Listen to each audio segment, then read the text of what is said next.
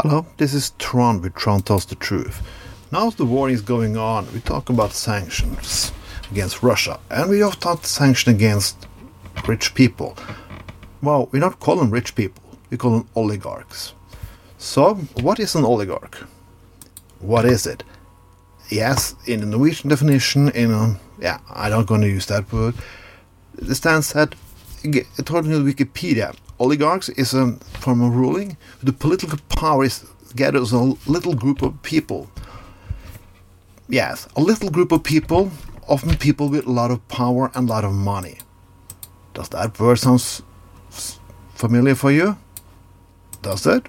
Because that is what in in the United States and rest of the world we call the one percent, or like conservatives call them, job creators. We cannot say they don't want to say they are in the same league because then it's going after everybody. But the same billionaires who sit in ruling United States, ruling rest of Europe, also is the same people we are now sanctions against in Russia.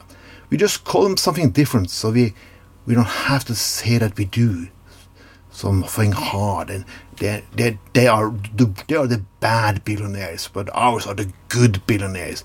We are the those are the people we can sanction against. We cannot sanction against anyone else. Well, I don't say it is not doesn't it's right to sanction against the Russians. It, it is, and it must be done. But isn't it little little strange that we have been often talking about we cannot do anything against against the one percent of job creators. We cannot tax them. We cannot go after their money. It's impossible. We just have to let it be. We don't have the tools to do it we do. We always had is all about will. Why can you not? We all said that oligarchs are earning money because they got some political power from Putin, a dictatorial regime, or they, they took it from the people. But isn't that what every one of those one percenters do?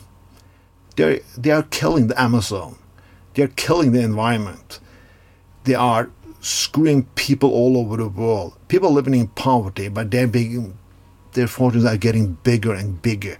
During the pandemic, the, the richest people are getting richer and richer, and rest of us are getting poorer and poorer.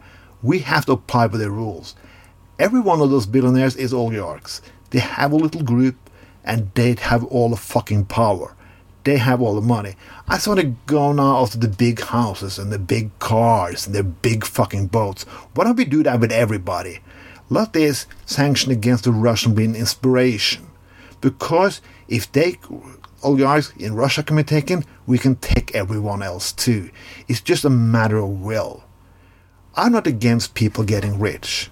I'm not at all. If you're a good if you have good business plans, if you're a good entrepreneur, go ahead be rich.